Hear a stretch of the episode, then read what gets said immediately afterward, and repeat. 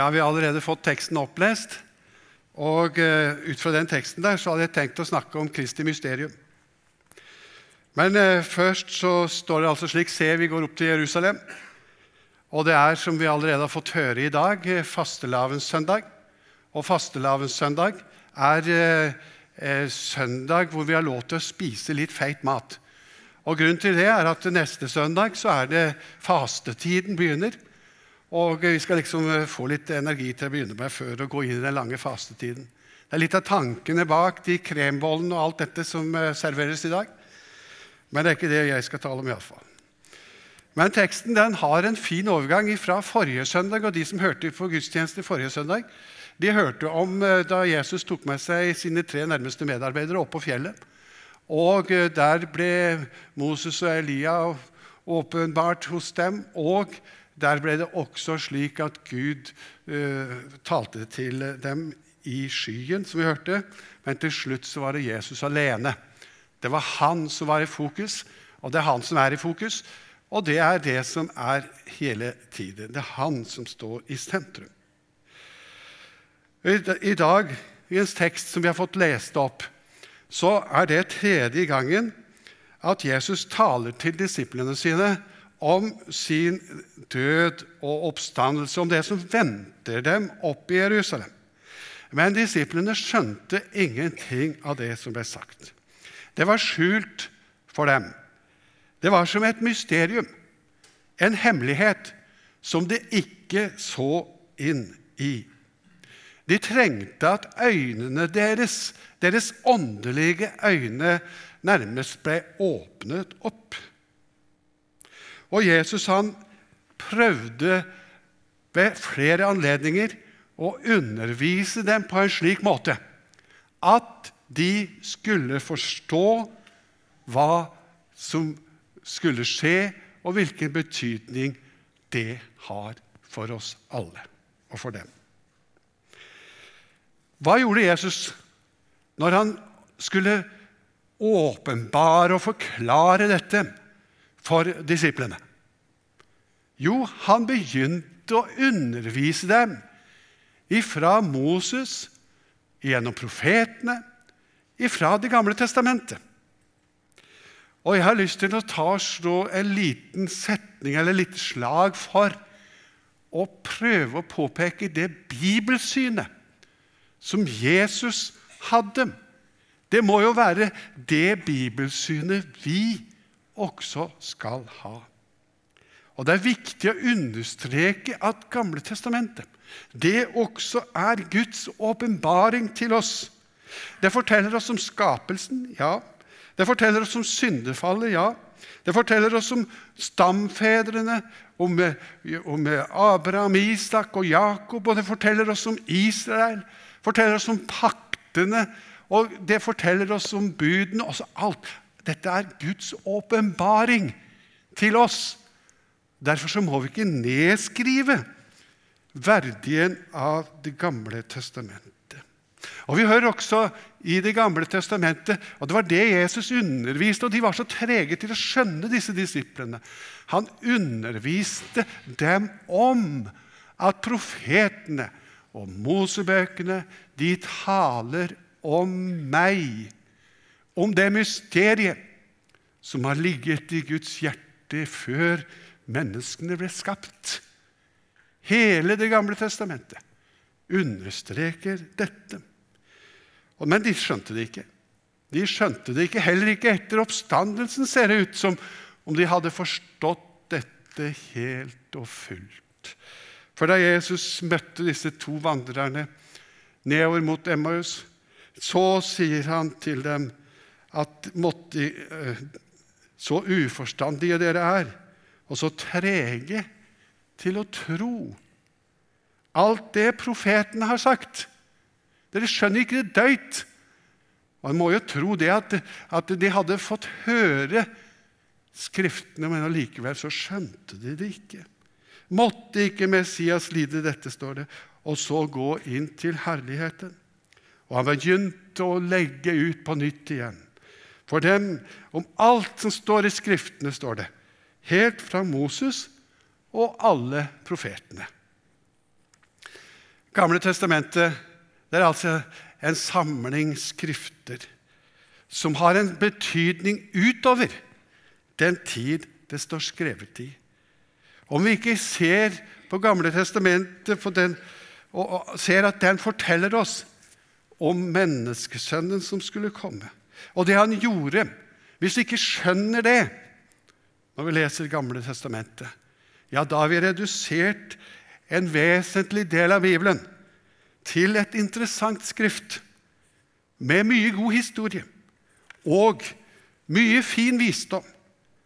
Men det blir redusert ifra å være Guds ord til å være en samling med religiøse skrifter på linje med andre religiøse skrifter. Jesus han henviser altså til Det gamle testamentet når han skulle fortelle om hvem han selv er. Derfor er det viktig at vi også skjønner noe av denne måten å tenke på. Og når vi leser Skriftene, be om at Den hellige ånd skulle åpenbare det for oss. Paulus sier akkurat det samme til sin unge medarbeider Timoteus. Men du skal holde fast på det du har lært, sier han, og blitt overbevist om. Du vet jo hvem du har lært det av. Helt fra du var et lite barn, har du kjent de hellige skrifter, de som kan gi deg visdom til frelse ved troen på Jesus Kristus. Og han sier, 'Hver bok', sier han. Hver bok. Og da henviser han til Det gamle testamentet. Er innblåst av Gud og nyttig til opplæring, tilrettevisning, veiledning og oppdragelse i rettferd. Så det mennesket som tilhører Gud, kan være fullt utrustet til all god gjerning.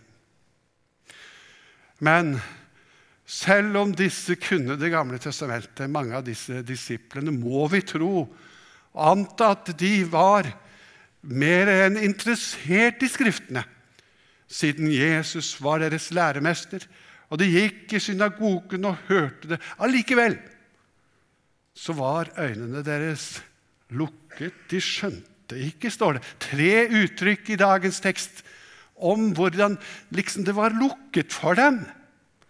Skjønte ikke, det var skjult for dem. De forsto ikke. Det var en hemmelighet, et mysterium, som måtte måtte åpenbares, for å bruke et gammelt ord, som måtte avsløres.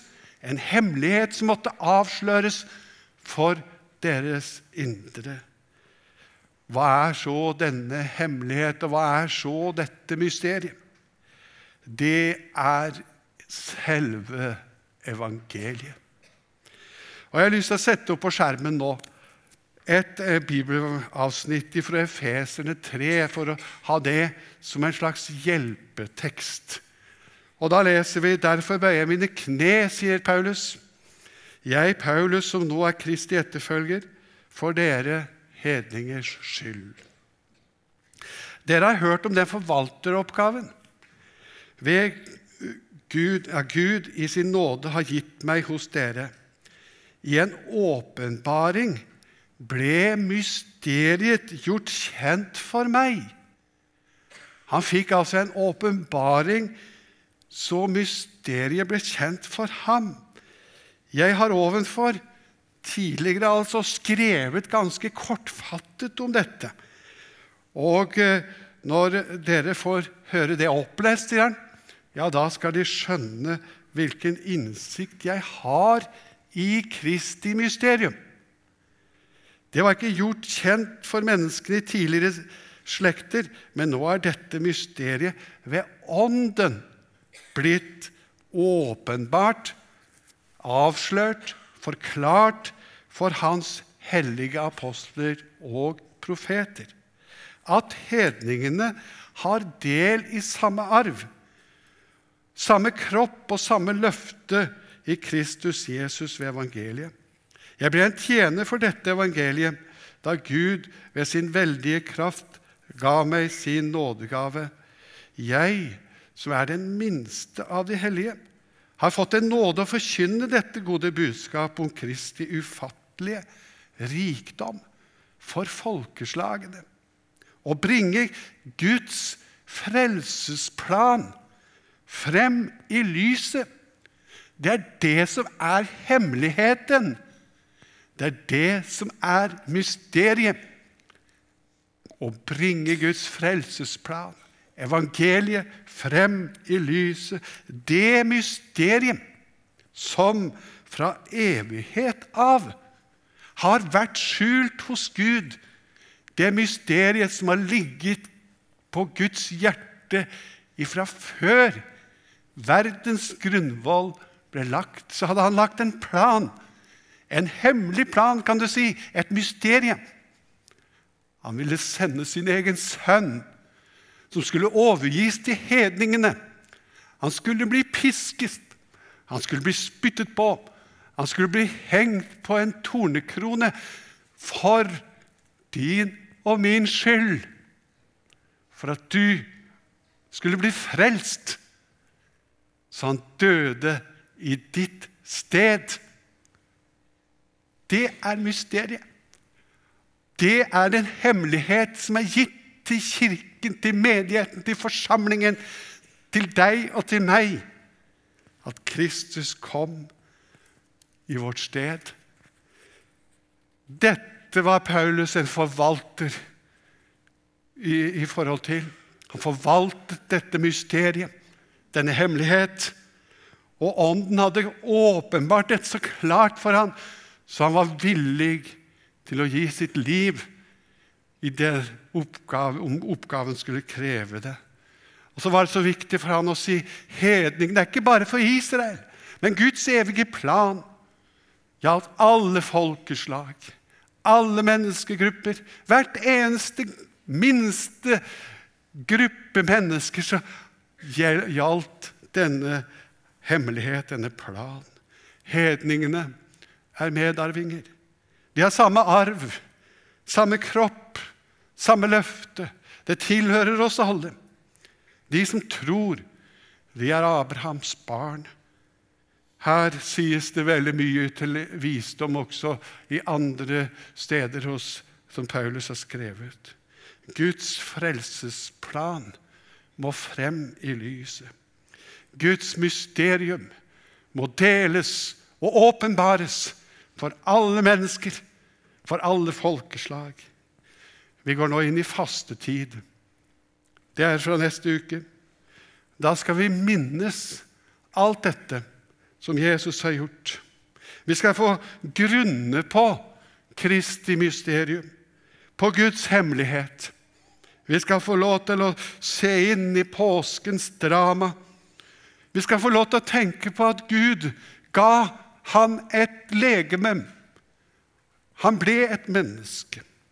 Han tok en tjeners skikkelse på seg.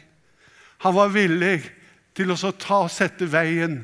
Se, vi går opp til Jerusalem. Han var villig til å gå opp og bli korsfestet der på Golgata for å lide i vårt sted. En tredje bibelavsnitt har jeg lyst til å sette på skjermen nå, som understreker litt av nettopp det som vi har sagt, og som jeg tror både Philip, som jeg leste om i, i fra Apostelens gjerninger i dåpen Tidligere der så underviste han hoffmannen om akkurat det bibelavsnittet. Og nå leser vi Hvem trodde det budskap vi fikk? Hvem ble Herrens arm åpenbart for? Her ser du, Det ligger allerede her som en, liksom en, en slags hemmelighet som må åpenbares. Som må komme inn ved en forklaring. Han skjøt opp som en spire for hans ansikt, som et rotskudd av tørr jord. Han hadde ingen herlig skikkelse vi kunne se på, ikke et utseende vi kunne glede oss over. Det var det som gjorde det så vanskelig for dem å tro dette mysteriet. Han var helt annerledes enn den Messias som dem tenkte skulle komme og fri dem fra Romerriket, fra, alt dette som, og skulle liksom bli en, en, en hersker. Han hadde ingen herlig skikkelse. Det var akkurat det motsatt. Vi kunne et, ikke et utseende vi kunne glede oss over. Han var foraktet. Han var forlatt av mennesker. En mann av smerte, kjent med sykdom. En de skjuler ansiktet sitt for. Han var foraktet. Vi regnet ham ikke for noe. Sannelig, våre sykdommer tok han. Vår smerte bar han. Vi tenkte han er rammet, slått av Gud og plaget. Men han er såret for våre lovbrudd, knust for våre synder. Straffen lå på ham for at vi fikk fred. Ved hans sår ble vi helbredet. Vi gikk oss alle vill som sauer.